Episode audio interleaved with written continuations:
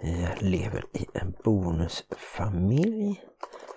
Men biomamman låter mig inte ha framme min kepssamling. Och jag får inte längre ha rutiga skjortor. Och jag måste städa garaget Martin, hela Martin. tiden. Va? Ja. Vad gör du? Nej, jag skriver i en eh, Facebookgrupp Äh, lite bara. Äh, Biomamma, det är ju jag! Det är bara Skriver du om mig? Nej, ja, ja, Nej men det var- tycker inte jag är okej. Men vi lever väl i ett fritt land? Ja, ja, då kan du leva i landet soffan. Don't tell me that your life is dull and grey. My only answer is hey, hey, hey, hey. Let's go crazy in the wild, and if by chance we make a child, that just means that we're alive and healthy. Hej välkomna till avsnitt 228 av Bonuspappan och Plusmamman, en podd om livet i en bonusfamilj med tyngdpunkt på föräldraskap och relationer. vi sänder i samarbete med Hallands Nyheter, dagstidningen i Varberg och Falkenberg med omnejd. En tidning som jag har älskat bra mycket längre än jag har älskat dig. Jag växte upp med Hallands Nyheter. Just det. Men då fanns den inte på nätet som den finns nu på www.hn.se. För det fanns inget nät när jag var liten. Nej. I alla fall ingen sån World Wide Web. Det fanns kanske spindelväv i hörnen, vad vet jag. Troligen inte, för min mamma var väldigt noga med att städa. Precis, det minns jag också när de bodde i lägenhet, hur fint det var.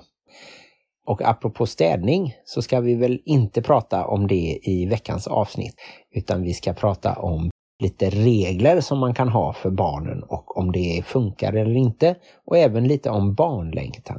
Ja, men visst ska vi prata om städning och ordning och reda. Pengar på fredag. Det är ett avsnitt med bara dig och mig. Varannat avsnitt så har vi ju en gäst. Detta är det avsnitt som inte har gäst. Om inte du känner dig som en gäst i hemmet fortfarande efter sex år. Nej, det gör jag inte, särskilt inte i huset. Men vi kör alltså fyra olika frågeställningar som vi har snappat upp. Bland annat så har vi ett brev från Ida Hallin som berättar om sin härliga familj och vilka regler de har satt för just sin bonusfamilj. Mm. Men vi börjar väl lite med Hänt i veckan. Ja, och som vanligt så har Martin noll koll vad som hänt i veckan. Men jag har ju full koll. Det började ju med att jag fyllde år i måndags. Just det, vi firade ju mest i söndags men sen åkte vi iväg ner till Falkenberg och åt på en restaurang med hela familjen. Mm. Och alla barnen följde med och det är ju den enda presenten jag behöver nästan. Det är att få ha alla mina barn samlade på samma ställe. Och jag fick till och med ta kort på dem. Dock fick jag inte lägga ut det på sociala medier. Nej, just det. De är lite petiga med det men eh, det tycker jag är okej att de får bestämma. Så är det. Och sen efter den trevliga kvällen så blev det lite drama där på natten. Ja, just det. Det var ju bråk. Vi behöver inte säga varför och mellan vem, men det slutade med att ett barn sparkade så hårt på den andres dörr så att det blev liksom ett litet hål. Det är gamla sådana här fanerdörrar eller vad de heter. Det var ju för att barn nummer ett hade blivit så trött på att barn nummer två lät så mycket mitt i natten att hen tog wifi och Ja. gömde sig inne på sitt rum. Livrädd har hen berättat i efterhand. Ja, det vet vi inte riktigt, men eh, det slutade väl med att vi får köpa en ny dörr och eh, så att säga debitera den myndiga tonåringen som gjorde det här illdådet. Alltså var det inte heller. Nej, tror du hon skulle kunna ha sparkat in en dörr? Ja, hon är så pass stor nu, men det har hon aldrig gjort. Däremot så har hon åkt till sin fader. Inte i himlen utan i Norrtälje. Det är umgängesförälders helg. Så just nu så har vi bara ett barn av fyra hemma denna kvällen när vi spelar in. Ja, och det är ju mellokväll. Vi får se om vi tittar på en eller annan sång. Det brukar ju oftast vara att vi gör det när barnen är hemma. Men jag har faktiskt sett Martin sitta och smygtitta på Melodifestivalen någon gång när vi inte haft barnen hemma. Mm, ibland så skyller jag på att det är hallänningar med som jag behöver för mitt yrke eftersom jag är nöjesreporter på just Hallands Nyheter. Och den här deltävlingen så är det faktiskt två killar från Halmstad som har varit med och skrivit Robin Bengtssons låt. De har ju i vanliga fall duon Jubel. Mm. Och om vi ska nämna någonting mer som har hänt den här veckan så är det väl att vi har gjort amerikansk debut. Ja, just idag faktiskt, i morse så kom avsnittet med Nacho Kids podcast där vi är gäster och där vi då får berätta om våran som om-metod i våran familj. Mycket av avsnittet handlar om huruvida svenskar kan prata engelska eller inte. De var ju faktiskt eh, oväntat positiva och eh, glatt överraskade att vi ändå kunde prata så pass bra och då tror jag inte de menar uttalet utan att vi ändå kunde tillräckligt många ord för att berätta och så. Ja, uttalet ska vi inte prata om. Men lyssna gärna på det avsnittet, Nacho Kid. Jag tror att det är avsnitt 120 eller något sånt där, men eh, det märker ni säkert. Det är det senaste. Ja, de har en hemsida som heter nachokids.com men sen så har de ju sin Nacho Kid podcast överallt på iTunes och Spotify och sådär. Och ni som har lyssnat troget på den här podcasten har ju hört delar av det innan, för vi hade ju med Laurie och David i vår podcast för tre avsnitt sedan. Just ungefär. det, det var när de berättade om sin eh, metod med nachoing. Mm. Men jag tycker vi kör igång med vår lilla Q&A Question and Answers. Absolut.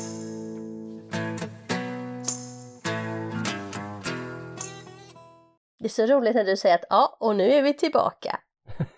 Ja, just det. Som att vi har spelat en lång låt och sitter live i en radiostudio eller så. Ja, precis.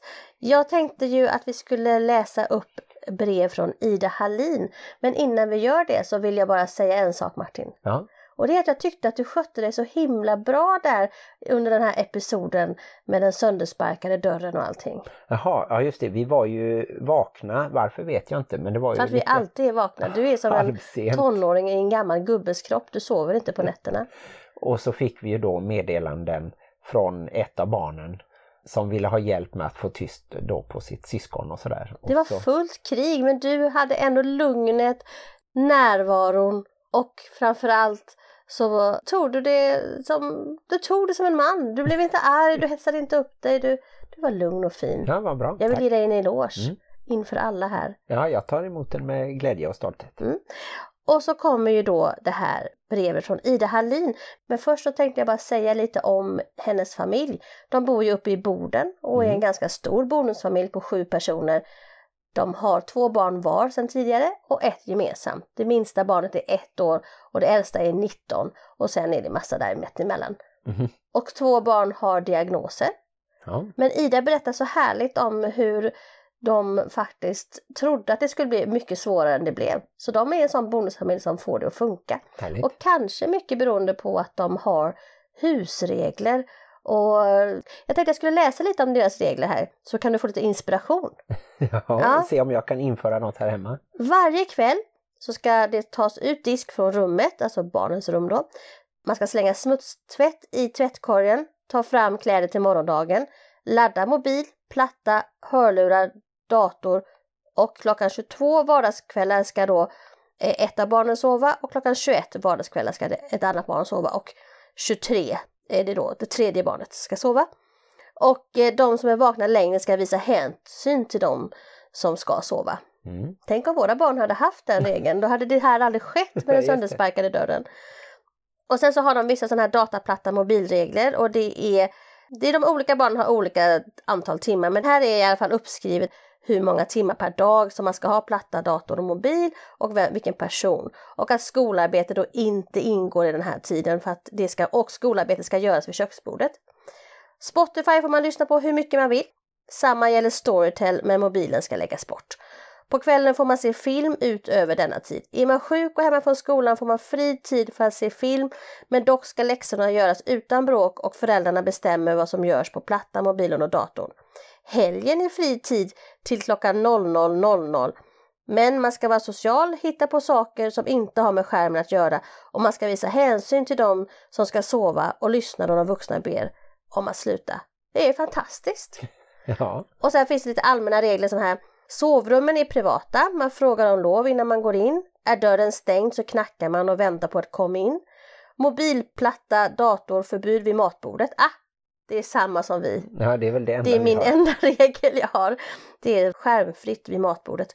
Ja, och sen söndag kväll ska rummen städas och sen så nämns det några namn här. Den och den städar lilla toan och dammsuger nedervåningen. En person ser även till att det är rent och så vidare i dusch och bastu. Se instruktioner. Mm. Tar man fram mat eller liknande så plockar man bort efter sig. Man säger till om man tar något som tar slut och vid tillsägelse så lyssnar.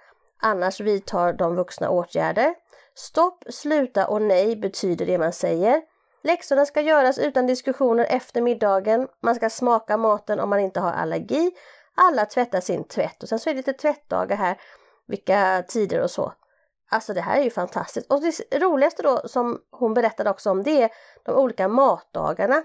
Och då på sin matdag så dukar man fram, lagar middag, dukar bort, diskar kastruller och grytor och så får man bestämma vilken sorts mat man gör då också. Mm. Och det tycker barnen är väldigt kul. Det tror jag att vi hade kunnat införa. Sen tror jag kanske att det är lite sent nu när barnen har blivit så pass stora och till och med äldsta dottern har börjat jobba och betalar för att bo hemma då. Ja men hon vill ju också laga mat, det har inte du märkt? Hon lagar ju mat mot att hon faktiskt får äta maten. Ja just det, annars ska hon ju betala sin egen mat. Ja, Mm. Ja men då kanske vi ska höra brevet då. ja och då handlar ju detta lite om att eh, de har vissa husregler eftersom de är sju personer varav tre tonåringar och det är de som reglerna är till för lite då. Och då står det lite om eh, det här att de ska städa varannan söndag och inte slänga kläder på golvet och sådär. Och då tycker Ida att upplägget funkar bra förutom för bonuskillen som är 17 år. Och det är alltså han som är äldst, det finns ingen 19-åring. utan Nej jag sa fel där, ett litet misstag där. Men han tycker i alla fall att han är så pass vuxen att han ska få bestämma själv. Och då gick Ida i början av veckan in i hans rum och så skulle hon sätta upp en hylla. Och då kunde hon samla ihop en hel tvättkorg med kläder som låg på golvet eller under sängen. Och hon hittade sex muggar och i vissa var det kaffe kvar. Och hon hittade fyra tallrikar med gammal mat. Hon hittade en möglig ostsmörgås och massa tomglas och fyra flaskor med lite slattar i och igen hade det börjat mögla. Och då har hon sagt till att det får vara nog och om de då ska behandla honom som vuxen då måste han ju hålla ordning på sitt rum. Och nu så tycker hon då att de ska vara noga med att ta ut mobilen ur rummet och stänga av internet då klockan 11. Men då tycker hennes sambo att hon är för hård. Och så går ju bonussonen och klagar och säger att hon är elak och då hamnar hon i, i den här rollen som den arga häxan som tjatar och sådär och det tycker hon är orättvist. Och hon har läst att när man är mellan 13 och 19 år då behöver man sova mellan 8 och 10 timmar per natt. Och bonussonen kan då max få 8 timmar om han lägger sig 11 eftersom han går upp 7 på morgonen. Och de andra barnen som är 15 och 15 och 10 de tycker att det här funkar och att det till och med kan vara skönt med regler och struktur. Och det kan ju vara bland annat för att två av dem har NPF-diagnoser eller bokstavskombinationer då. Och därför är det extra viktigt för dem att ha struktur och regler. Och hon undrar lite om hon har fel då när bonussonen klagar. Ja, och då kommer ju experten här då, Maria Erlandsson. Nej, det är jag som kommer. Och jag säger så här att jag tycker det är helt outstanding att de har skrivit ner dessa regler och formulerat dem så pass bra. Och jag tror att för många så är det väldigt tydligt och informativt att se det så på lappar som kanske sitter uppe. Men sen kanske verkligheten krockar med bilden av hur man vill ha det. Och när då föräldrarna som jag förstår inte är riktigt sams så är det ju det som gör att det kanske havererar. Eller sams och sams, han tyckte att hon var lite strängare. Och så är det kanske ofta, att den ena är strängare än den andra. Men jag tycker ju ändå, har man satt de här reglerna så borde båda de vuxna se till att försöka hålla dem. För det är ju om den ena börjar tulla lite på det så tror jag att det rasar ganska snabbt. Mm. Och jag tror särskilt om det då är bioföräldern som backar. Då är det nästan omöjligt för en bonusförälder att hålla emot. Så antagligen så skulle de ta ett varv till och se om de här reglerna är rimliga. Har man haft så en lång tid, till exempel då för den här tioåringen som växer upp och har det så att jag ska aldrig ställa ett smutsigt glas eller ha kvar en smörgås på rummet i en dag eller flera dagar då när det barnet är 15 så är det något helt naturligt eller att man tvättar sin egen tvätt och sådär. Men om vi skulle sätta upp sådana här regler då tror jag att det skulle bli en för stor förändring.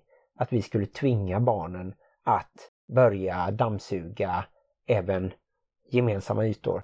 Eller att vi alltid skulle då kontrollera om de hade burit ner disk eller tvättade eller ja, sådana här olika uppgifter. Jag tycker också att det är lite imponerande men jag tror att det är svårt att upprätthålla om inte bioföräldern också är med liksom på banan.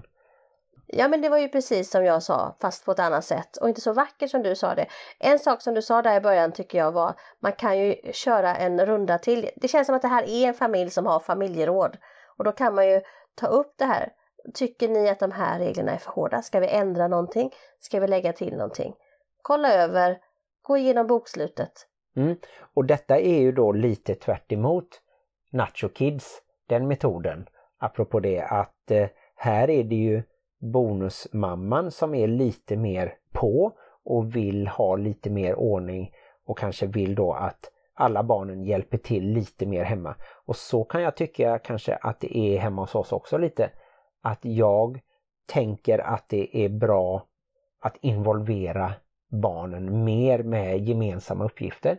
Men sen så har jag vant mig vid och kan tycka nu att den striden kan inte jag ta. Att införa diskdagar som vi faktiskt provade ett tag för länge sedan. Eller att barnen ska hjälpa till att bära ut skräpet några hundra meter bort och sortera det i stora containrar och sånt där. Som jag kan tycka att det är ganska lite att göra om man gör det en gång var fjärde vecka eller så. Mm. Nej men det är sant, vi borde kunna ha fler regler. Men lite som du sa innan så kanske det är svårt att komma med det nu. Och nu tycker jag att jag har hamnat i en ganska bra nivå för vad jag tycker är okej. Mögliga saker tycker jag absolut ska bäras ut från rummen. Och vi försöker ju ha lite radiotystnad på kvällen. Och för det mesta fungerar det förutom när barnen sparkar ner dörrar och sånt. ja, men det är ju olika i varje familj och lite hur man går in i familjen när man väl bildar sin bonusfamilj och hur det utvecklas. Och just nu så har ju vi det bra och prioriterar att det liksom är god stämning. Vi har en ny metod, det är inte nacho, det är inte som om, det är good enough. ja, lite så är det. Men vi kan väl bara önska dem lycka till, men vårat råd är väl kanske att titta över det och ta ett varv till. För att det är ingen idé att ha en regel om en person inte följer dem.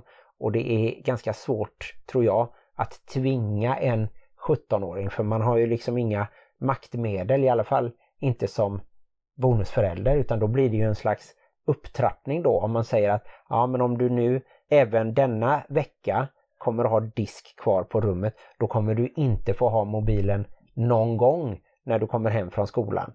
Och då kanske det blir ännu värre för bonussonen och då måste föräldrarna öka upp det ännu mer och sådär, du vet. Ja. Och framförallt så tror jag i det här fallet att det är viktigt att pappan i frågan, den biologiska pappan, faktiskt steppar upp och kammar luggen lite och inte bara lägger över på bonusmamman att det är hon som ska upprätthålla reglerna utan har han varit med och satt dem så tycker jag också att han kan vara med att försöka hjälpa barnen att efterleva dem.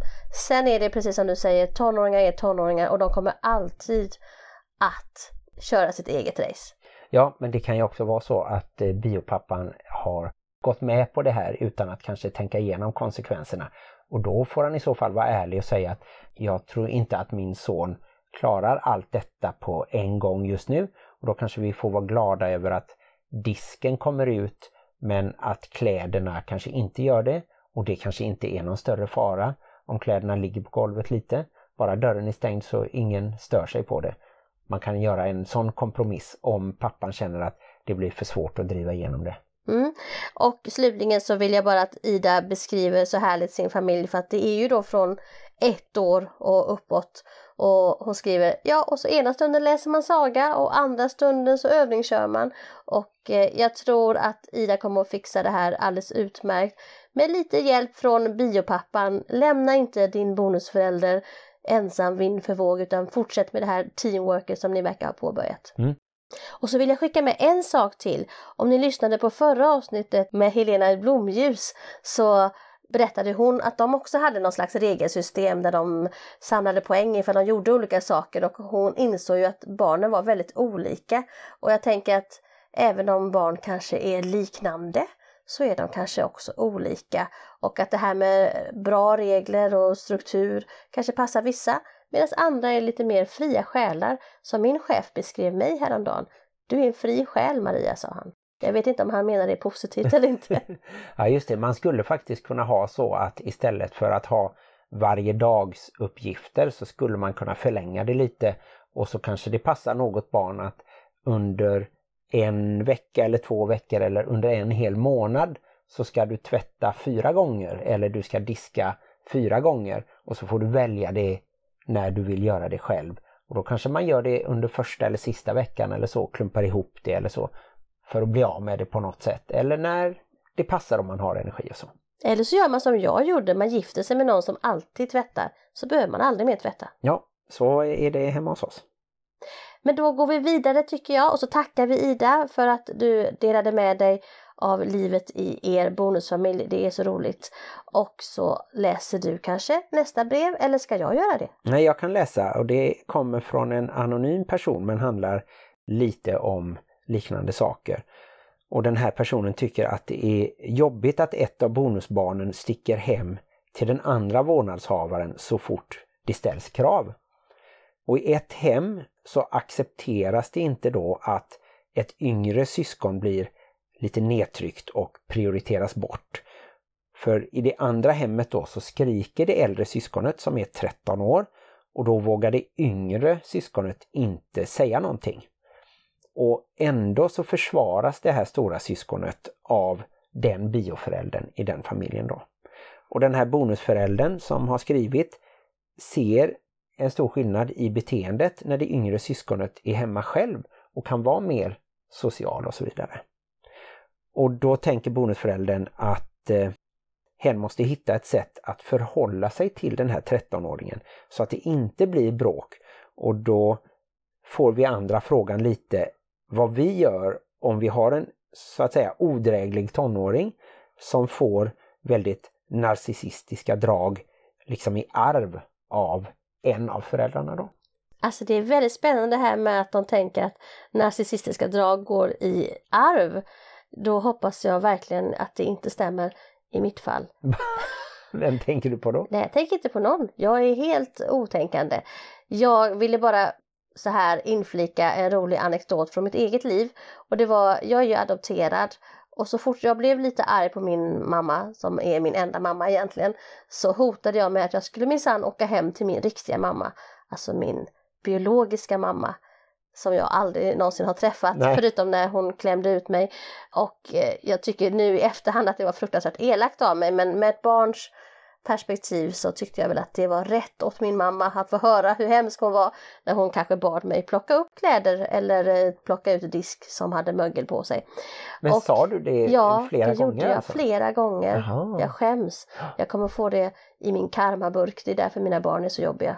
Men det viktiga var väl att dina föräldrar aldrig sa någonting liknande eller liksom tvärtom? De sa dig. åk du, här har du pengar. Nej, så var det inte. Och jag tror att det är en väldigt klassisk sak i ombildade familjer att ett barn kanske frekvent eller ibland eller någon gång hotar med att gå hem till den andra föräldern eller faktiskt gör det. Som i vårt fall så bor vi ju ganska nära de tre äldsta barnens pappa i alla fall. Jag kan minnas någon gång i början så har det nog hänt att någon har traskat hem till den andra föräldern i vredesmor, både åt det ena och det andra hållet. Och jag tror man ska inte lägga så mycket vikt vid det. Låt dem göra det. Det kanske är bra att den kan få vara för sig själv ett tag. Sen har vi väl tagit upp det för att det är bra att stå kvar i konflikter och kunna lära sig att hantera det också. Men ibland så kanske det är helt okej okay att ta lite paus. Mm. Jag eh, kan ju då också dela ett minne när ett av våra barn som vi säger var ganska litet och eh, blev arg och ledsen och sa då att jag vill hem till pappa. Och då var det ju några mil den gången. Och det var mitt i natten så det var liksom omöjligt.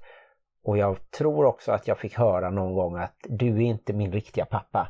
Och då sa jag, nej men det vet jag, men jag är ju vuxen och jag är ihop med din mamma. Detta var nog innan vi hade gift oss. Så jag, även om jag inte är din pappa så är jag en bonusförälder och vi kan inte skjutsa iväg dig just nu utan och så fick det här lilla barnet eh, vara lite ledsen. Jag minns att vi var i den så kallade flygande sängen som vi hade ovanför våran trappa som vi hade byggt där då. Och det blev nog bra till slut och jag tror kanske att jag gjorde rätt att inte konfrontera eller säga att det var något fel att säga så utan jag bara tog det utan att bli arg för det eller så. Mm. Jag tänker att många par i parterapi får ju faktiskt rådet att bråka inte när ni är i stridens hetta utan ta upp det senare. Så att bara för att ett barn smiter hem till den andra föräldern så betyder ju inte det att man inte kan ta upp det här vid ett senare tillfälle. Mm. Och då kan man kanske säga, ja men det kanske är bra att vi särar på oss nu ett tag men vi kan prata om det här sen. Mm. Sen tror jag väl då att eh, i det här fallet så kan det vara svårt också, lite på samma sätt som i Idas fråga då, att bonusföräldern ska sköta det här med den andra bioföräldern. Det kan vara svårt och det kan bli infekterat och så att säga för i grunden finns ju en skilsmässa.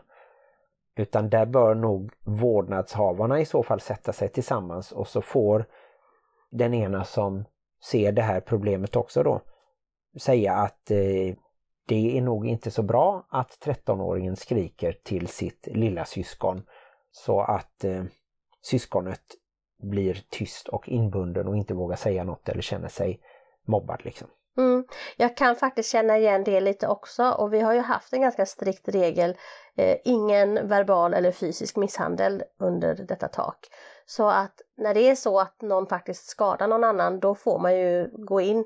Annars så brukar ju både hundar och barn lösa sina konflikter ganska bra själva. Men om det kanske är en stor åldersskillnad eller det kanske är en stor obalans i makt och styrka så kanske föräldrarna bör gå in. Men då har jag också kommit på det att jag har ju haft barn som har varit liksom på varandra sådär och då hjälper det inte direkt att man säger till den som är på utan det kan ibland vara bättre att stötta den som blir utsatt. Att man liksom bygger dens självkänsla och det är en väldigt tunn linje för det jag kommer att säga nu låter lite likt ett annan, en annan grej som man inte ska säga. Som vi flickor fick ju oftast höra när någon kille var stygg mot oss. Ja men de är, killar är så, han tycker bara om dig och mm, sådär. Mm. Så menar jag inte. Jag menar bara att man kan stötta ett barn att det här andra barnet mår inte så bra just nu. Den får inte vara dum mot dig eller säga dumma saker, det är inte det. Men man kan ha ett visst överseende med att den säger saker som den inte menar den gör saker som den inte menar. Men samtidigt ska man ju faktiskt sätta stopp för sånt. Som sagt var, det är en väldig balansgång.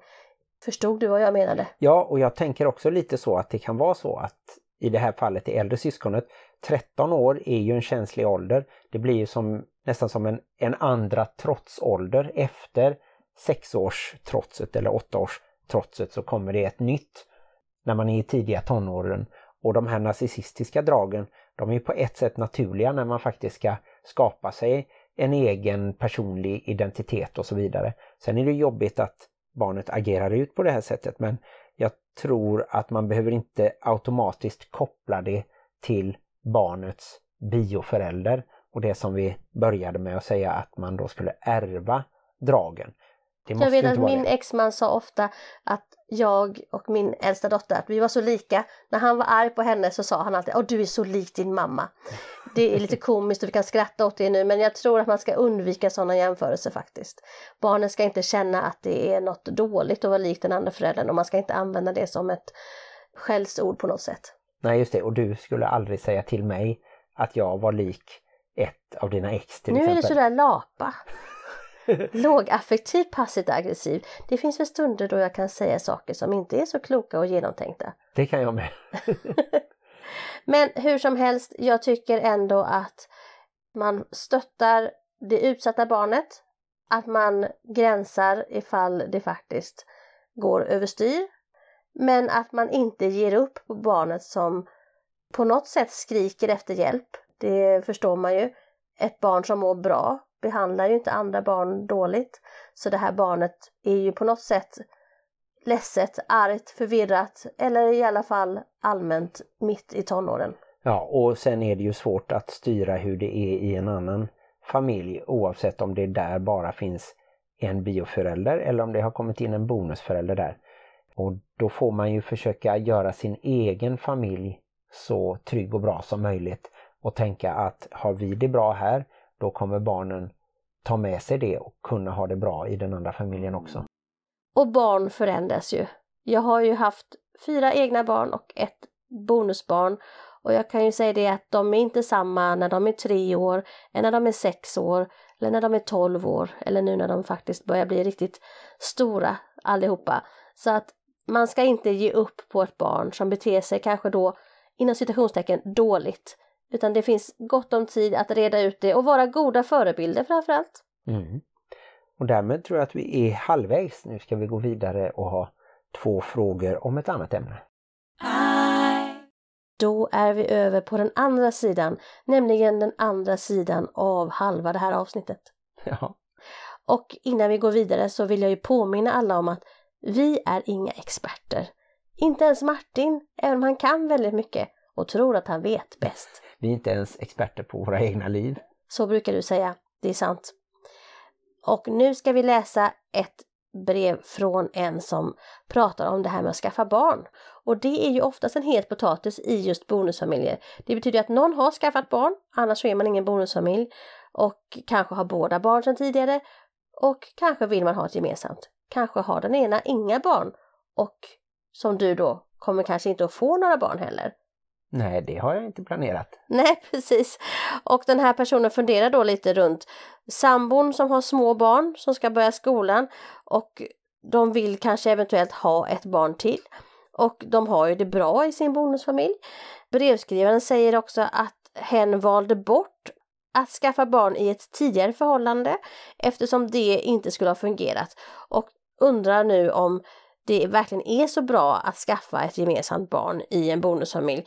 Vad skulle hända om personen sa nej så att då sambon inte fick ett barn till och själv då inte fick några barn alls? Och hur är det om man fattar det beslutet, ångrar man sig efteråt då att mm. man inte skaffade barn? Så att det har vi ju pratat om en hel del du och jag. Ja, och jag kan ju inte veta det här om man skulle ångra sig. Vissa säger ju att man aldrig ångrar sig om man väl har skaffat ett barn. De har aldrig skaffat barn, jag ångrar mig varje dag. Nej, det gör jag inte.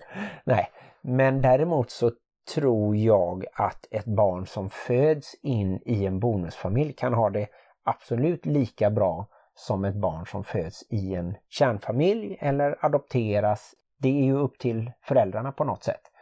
Och ett gemensamt barn blir ju lite som att det finns en liten kärnfamilj i den stora bonusfamiljen. Och visst, det kan väl vara jobbigt att syskon då flyttar iväg. Men det är det ju även för de syskonen som flyttar som inte träffar sina bonussyskon eller halvsyskon eller så. Mm. Jag tänker kanske att den här personen undrar om jag nu bestämmer mig att vi skaffar inga fler barn, kommer jag ångra mig sen i framtiden att det inte blev några? Om den då kanske inte har några biologiska barn som i ditt fall mm. så har du ju inte det. Och du har ju varit väldigt tydlig med att du faktiskt tycker att det är helt okej. Okay. Det har ju varit jag som har tyckt att åh, synd att vi inte fick ett barn tillsammans och sådär. Ja, det tycker jag är jättegulligt men jag har ju inte haft den biologiska klockan och nu tycker jag när jag är över 50 och jag har fyra bonusbarn att det är jättehärligt. Men att jag skulle bli en småbarnspappa och testa det, jag har ingen riktig längtan. Jag vill ta hand om den här familjen som finns nu. Och sen så säger ju alla att barnbarn är livets efterrätt så jag hoppas lite på det. Att det kanske kan vara en sån här lite mysig grej att vi ska passa barnbarn en gång i tiden. Ja, absolut. Det ser jag fram emot. Jag tycker i alla fall att det är viktigt att båda två är med på beslut antingen om att skaffa barn eller att inte skaffa barn. Så man inte på något sätt är oklar eller svävande på det. Så att den ena tror att ja men den kanske vill skaffa i framtiden eller den andra tror att nej det här kommer inte att gå. Om vi någonsin skaffar barn så går den andra och hoppas och bladi, bladi. det är bra att man är tydlig just på den här punkten för det är liksom ingenting som man kan kompromissa med på samma sätt som om vi ska bo i hus eller lägenhet. Det är ju ett barn vi pratar om. Mm. Så att det är nog viktigt att man pratar om det och är väldigt öppen med det och ger varandra den chansen och möjligheten att göra andra val. Det låter ju hemskt bara, ja men om du vill ha fler barn så kommer det kanske inte att bli med mig. Nej men det har vi ju faktiskt eh, läst om och eh, hört att till exempel om någon utan barn, vi säger en kvinna som är 25-30, träffar en man som är lite äldre som redan har barn, barn som kanske är tonåringar och på väg ut i vuxenlivet. Säg att han är 50 om hon är 30. Men heter han PG Gyllenhammar så är det inga problem. Nej, han fick väl barn när han var 70 någonting eller så ja. Mm. Det brukar vara han och Charlie Chaplin man drar upp. Ja, just det. I alla fall så tänker jag att i den situationen så kan ju det vara ganska jobbigt om kvinnan känner att ah, jag vill ha barn och jag borde nog ha barn inom fem år eller någonting sånt där för annars kan det bli svårt efter 35 eller när man närmar sig 40. Svårt både att bli gravid och riskerna för skador ökar och så vidare. Och det är klart det kan vara ganska eh, jobbiga beslut då. Ska man lämna en man som man älskar bara för att han inte vill ha ett biologiskt barn till? Där behöver man ju vara väldigt tydlig med sig själv och väldigt ärlig mot sig själv och faktiskt fatta det beslutet utifrån sin egen. Man kan inte skylla på någon annan. Ja, men det var ditt fel att jag inte fick något barn eller så. Det, det får inte komma i efterhand. Så att jättenoga att prata om det. Och ibland kanske man kanske behöver blanda in någon tredje person man kan prata om. Man kan faktiskt ringa 112 och prata med jourhavande präst. Jaha, Ja, så är det. Om man vill eh, prata om sådana här djupa ämnen, livet, döden, barn eller inte barn, hund eller inte hund och så vidare. Mm. Man kanske inte ska uppehålla prästens dyrbara tid om att prata ifall man ska skaffa hund eller inte. Det var väldigt dumt sagt av mig. Jag tar tillbaka det. Och dels så kan man ju faktiskt i förväg inte veta om man kommer att ångra sig eller inte. Jag kan bara känna att jag är nöjd med mitt val även om det inte har varit så mycket tydligt en valsituation. Men jag ångrar inte att jag inte har några biologiska barn till exempel. Och jag tror att man på något sätt, så ser jag det i alla fall, att i alla relationer, måste inte vara i en kärleksrelation utan det kan ju vara i en kompisrelation eller i en arbetsrelation eller så, så behöver man liksom gå plus för att det ska vara värt att hålla kvar. Till slut kan det vara så med en kompis att man märker att det blir mer jobb än det man får ut. Eller det är någonting som skaver och det blir tråkigt och man går liksom minus och då kommer ju den relationen till slut att rinna ut i sanden.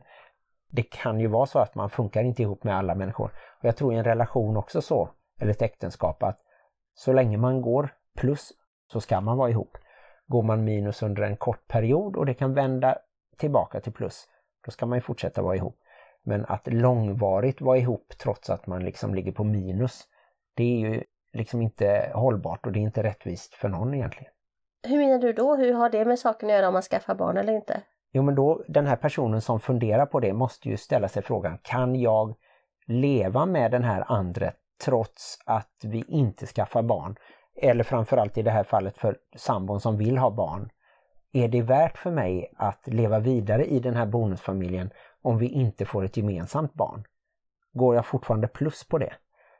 Man får ju liksom tänka sig in i den situationen att okej, okay, jag kommer inte att få barn eller den andra då att jag behöver skaffa ett gemensamt barn för att vi ska ha det riktigt bra. Mm. Det är jättesvåra frågor men man måste ju på något sätt eh, hitta någon slags vågskål med det.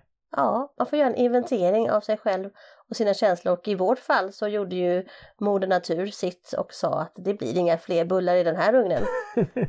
Nej, men du bakar så goda andra bullar istället.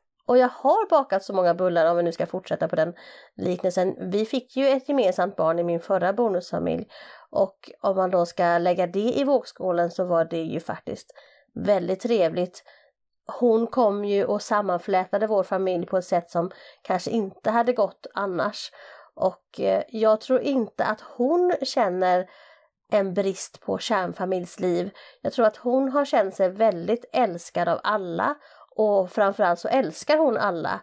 hon älskar ju sin bror och sin pappa och sin bonuspappa och sina syskon och, och allting så att i vårt fall och i mitt fall så det där gemensamma barnet har ju varit en välsignelse men att leva med dig utan ett gemensamt barn har ju också gått fantastiskt bra. Så att ja. Nu är det faktiskt snart lika länge som du och jag har varit ihop som du och minstingens pappa var ihop. Men det jag funderade på var faktiskt, gjorde Helle att ni var ihop längre än om ni inte hade fått Helle? Ja, det var en intressant fråga. Det kan nog ligga mycket i det. Och så är det väl alltid, att så länge det finns någonting som man tänker är värt, som du pratar om, att kämpa för, så kämpar man lite extra. Och eh, hon var definitivt värd att kämpa för att hon skulle få ha båda sina föräldrar. Och det har hon ju fortfarande, även om en av föräldrarna har flyttat ganska långt bort. Mm. Och det lustiga med just den frågan var att jag tror aldrig jag har ställt den frågan till dig. Och nu kom den oförberett i podden. Ja, det händer saker i podden. Och det som händer i podden nu är att vi ska ta upp den sista frågeställningen och jag tror att jag skickar över det till dig att läsa. För du gör det så bra. Jag tackar för det förtroendet och så kan jag berätta att den här frågan handlar lite mer om helheten kan man säga. Och det är en person som har fått in sambons ex i sitt liv och säger att det är en väldigt udda personlighet.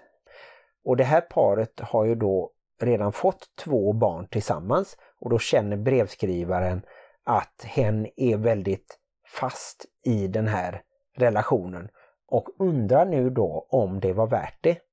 Och vi och även ni lyssnare då får lite frågan om ni hade valt samma väg om ni hade kunnat se er framtid.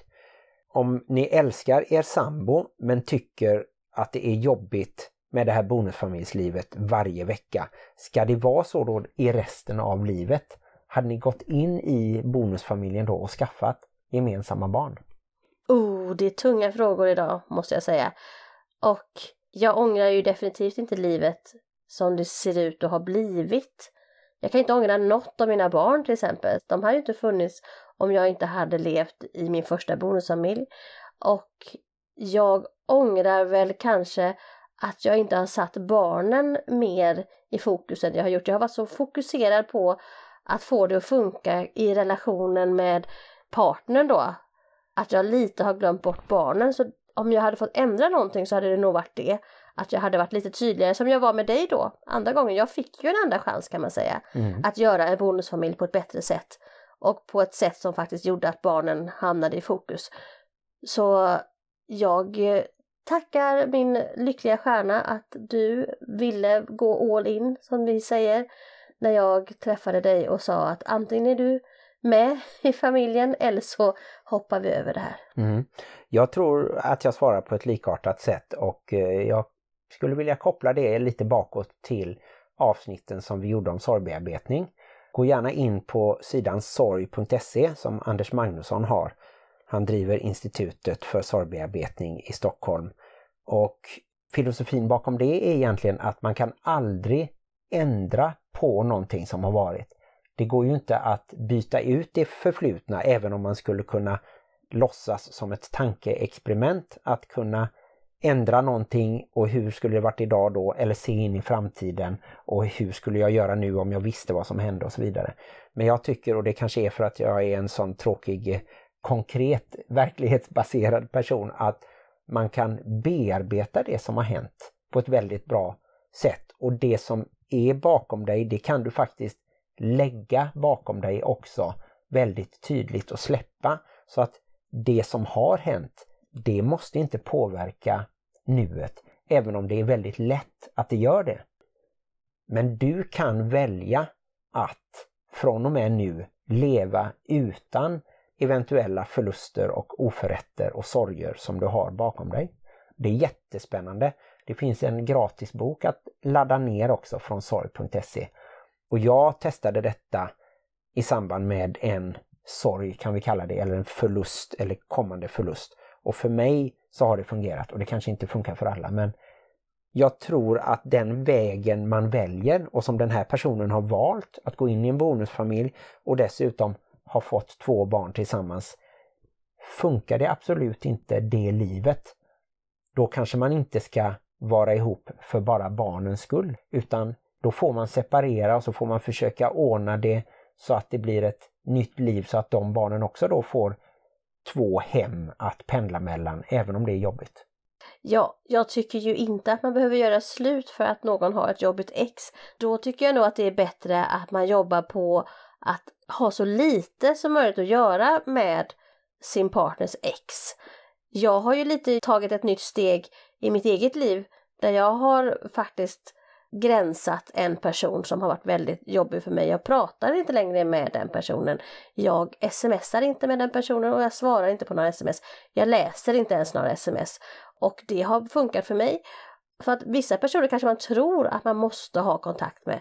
Men man måste eh, faktiskt ha kontakt med väldigt få personer här i livet när man verkligen funderar och tänker på det. Och ens partners ex är just en sån person som man kanske tror att man måste ha mycket med att göra. Men egentligen behöver du inte ha något att göra med den personen överhuvudtaget. Utan fokusera på din relation och på ditt föräldraskap och på eran familj. Och sen kan hela världen rasa omkring där ute och det behöver egentligen inte betyda någonting eller ha någon inverkan på just er bubbla. Så jag tycker ju, precis som du Martin, att det som har varit har varit. Det kan du inte göra någonting åt. Men framåt kan du ju ändå styra hur du vill ha det framöver och då är det jättebra att ta fram papper och penna och skriva en spalt, det här vill jag ha, en spalt, det här vill jag absolut inte ha och så någon slags mittemellan, det här är good enough. Mm. Ja, jag håller helt med dig. Jag tror ju att särskilt som bonusförälder så kan man välja aktivt att ta avstånd Även om det då är en vårdnadshavare och bioförälder som på något sätt påverkar ens bonusfamilj och påverkar barnen och så. Men eh, jag tror att det mycket oftare är så att man tycker att ett ex är konstigt. Både om man är den som då har separerat eller om man är bonusföräldern som ser barnens andra föräldrar och har svårt att förstå eller svårt att komma överens. Så det är nog ganska sällsynt att man blir bra kompisar med ett ex. Så försök släppa det och precis som Maria säger koncentrera dig på din egen relation och på alla barnen, även bonusbarnen. Och så får vi väl ta in det fina som du sa här innan att går du plus i din familj så är det värt att fortsätta och kämpa för. Går du minus så kanske det faktiskt inte är det. Om jag ska ta någonting helt personligt så och den frågan du ställde till mig, höll du ut längre på grund av barnen? Och det var nog mycket så jag tänkte, alltså jag kan ju inte bli ensamstående med fyra barn med två olika pappor, då är ju mitt liv över. Så tänkte jag nog mycket. Och jag vill inte att mina barn ska behöva gå igenom en skilsmässa till eller att mitt yngsta barn då, ska hon nu också behöva bli ett skilsmässobarn precis som de tre stora? Och till slut när jag kom fram till att nej det går inte längre så blev det ju faktiskt riktigt bra. Mm. Så att man vet inte vad framtiden har med sig. Jag tror bara att man kan göra sitt bästa i nuet helt enkelt. Och jag tror att många faktiskt känner instinktivt vad som är bra och vad som inte är bra. Men just det här med att spalta upp det och skriva ner det kan få en att se saker på ett annat sätt. Mm. Och då var det väl så att sammanlagt så var det ett plus för dig även om du gjorde det för barnens skull. Jag tror det är jättevanligt att man håller ihop för barnens skull. Men då ska man ju inte i efterhand säga att åh, jag gjorde fel som inte skilde mig tidigare.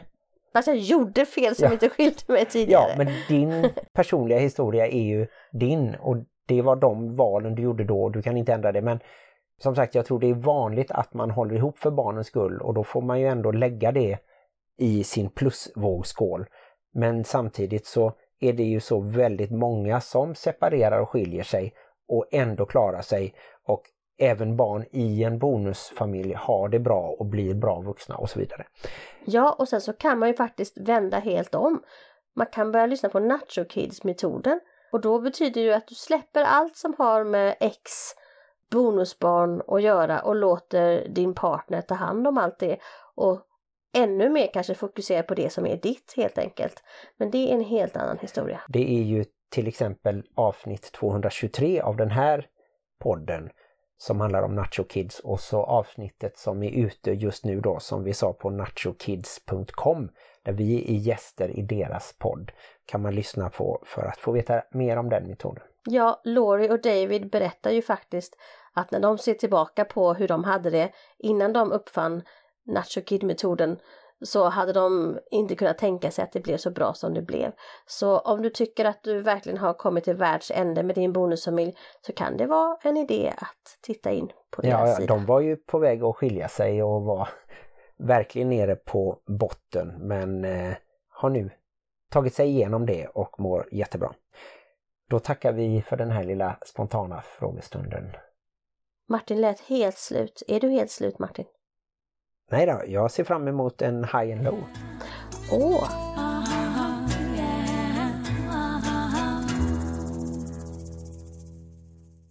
Och det här med high and low, jag undrar om inte vi kommer välja samma high. Så då är frågan, vem av oss får säga det först? alltså det måste ju få bli jag, men jag kan ju helt omöjligt tro att du har samma eye som jag. Jaha, ja men säg din då. Ja, jag gillar ju att dra ihop mina high and low till att samma sak är high and low. Mhm. Det är det som utmärker ett perfekt high and low för mig. Mm. Och då tycker jag att det var ett väldigt low när ett av våra barn sparkade sönder en dörr och det var allmän commotion här hemma. Det var ett väldigt low, speciellt för mig som bioförälder då, då tycker man att det är extra pinsamt när ens barn beter sig så helt uppåt väggarna dåligt Mm. som det här barnet Mm. faktiskt gjorde. Det var ju inte några ursäkter någonstans utan det var ju bara dåligt. Och bara oh no, nu kommer det att bli helt jobbigt för mig. Ja, Ja, det var mitt low. Men min high var ju då som jag sa att du tog det så himla bra. Att du var sådär Ja, men det här blir ju en konsekvens och, och ja, du var liksom inte arg på någon, du la inte skulden på någon, men du var ändå mitt i stormens öga och du, ja. Så det var min high också. vad snällt. Så det var en bonusfamilj low och en bonusfamilj high i samma andetag där. Mm. Men sen så har jag haft många high och det var ju också att vi kom iväg hela familjen och kunde äta mat. Och det var det jag tänkte att du skulle säga för att det tyckte jag var min haj. Det var ju lite struligt för vi hade egentligen tänkt två olika restauranger i Varberg. Men den ena var stängd som hade buffé som vi gillar just eftersom vi äter lite olika saker och olika mycket och sådär. Och sen när vi då väl kom iväg till Falkenberg och eh, något av barnen trivdes väldigt bra eftersom vi var nästan ensamma och det var liksom luftigt och sådär. Det var varken coronarisk eller något annat eh, jobbigt med mycket människor och sådär. Så blev det väldigt lyckat och alla var liksom i bra form och sådär. Så att den måndagskvällen eh, som var din födelsedag var veckans höjdpunkt för mig. Men då måste jag ju fråga dig då, du är ju bonusförälder, kan du verkligen på riktigt glädja dig på samma sätt att liksom ha en kväll med familjen så och barnen är samlade som jag? För mig är ju det, det är ju som att vinna två miljoner kronor, alltså det är ju essensen av liv. Det är då jag bara, ah, det här är anledningen till varför jag finns till. Ja. Alltså inga frågetecken finns, allting är bara skinande och rent. Kan du som bonusförälder verkligen känna det? Ja, men jag tror kanske dels för våra personligheter och sen att du är biologisk förälder så kanske du känner ännu starkare och det gör även då att du blir ännu mer illa berörd av när det blir bråk mellan syskon och att jag då har lättare att kanske hålla mig lite kall och försöka se det lite utifrån och försöka stötta dig och försöka liksom reda ut det mellan barnen på något sätt utan att dras in lika mycket känslomässigt. Men jag trivs jättebra när barnen är glada och håller ihop och är tacksamma för att vi faktiskt åker dit och, och äter ihop och firar dig. Och, så att jag tycker det är fantastiskt men jag förstår att för dig blir det något extra. Men då är jag nyfiken på din low. Jag kan väl inte säga att jag har någon specifik low sådär utan det är det här allmänna eh, tjafset som, som blir ibland oavsett om barnen är inblandade eller inte. När jag kanske missar att eh, fixa i ordning i köket eller om jag är lite för mycket på med att något barn ska göra läxor eller sådär och att jag inte kan ehm, backa undan och låta dig ta de besluten för det känns lite som att jag kör över dig och du känner att du är en dålig förälder för att du inte har påmint om tandborstning eller ja, du vet det här vardags, det, det hade betytt mycket om jag hade kunnat liksom skala bort lite av det. Så hade det blivit eh, färre sådana där onödiga dippar. Men det kan ju inte räknas som en low om det liksom är ett allmänt low. Tycker du att om du då ska plussa och minusa ditt liv i bonusfamiljen att det är mer high än low? Ja, ja absolut. Jag har svårt att hitta en low för denna veckan. Men det är små dippar när man går ner lite och sen så är det ju så bra att vi både var för sig och tillsammans kommer tillbaka så att vi ligger på plus. Det är också att du har väldigt dåligt minne och inte kommer ihåg när det har varit dåligt. Ja, det är kanske det. både positivt och negativt helt enkelt. Ja, just det. Så om du är orolig inför en eh, bonusfamilj, skaffa någon som är lite dement då som... Nej då. Men då har vi väl rott i land det här avsnittet eller vad säger du, herr Erlandsson? Ja, nu är det bara en eh, härlig rejäl klippning kvar så att vi får fram guldkornen. Och du visste hur nära jag var att säga hermelin till dig en hermelin, det har kommit in en katt bland hermelinerna. Då är ju jag katten i så fall. Men då är du ju allergisk mot dig själv. Ja, det är väldigt eh, konstigt. Jag tror det bästa vi kan göra nu är att säga glöm inte att livet i bonusfamiljen kan vara besvärligt. Om någon är allergisk. Hej då! Hej då! Men också härligt. Absolut, vet du vad en härlig sak är? Att du ska åka och köpa chips och vi ska inte se på Melodifestivalen. Precis. Den närmaste butiken har rabatt så man kan få både dill och gräslök som jag gillar och pepparchips som du gillar. Alltså du är sämst på att stötta mig i min bantning.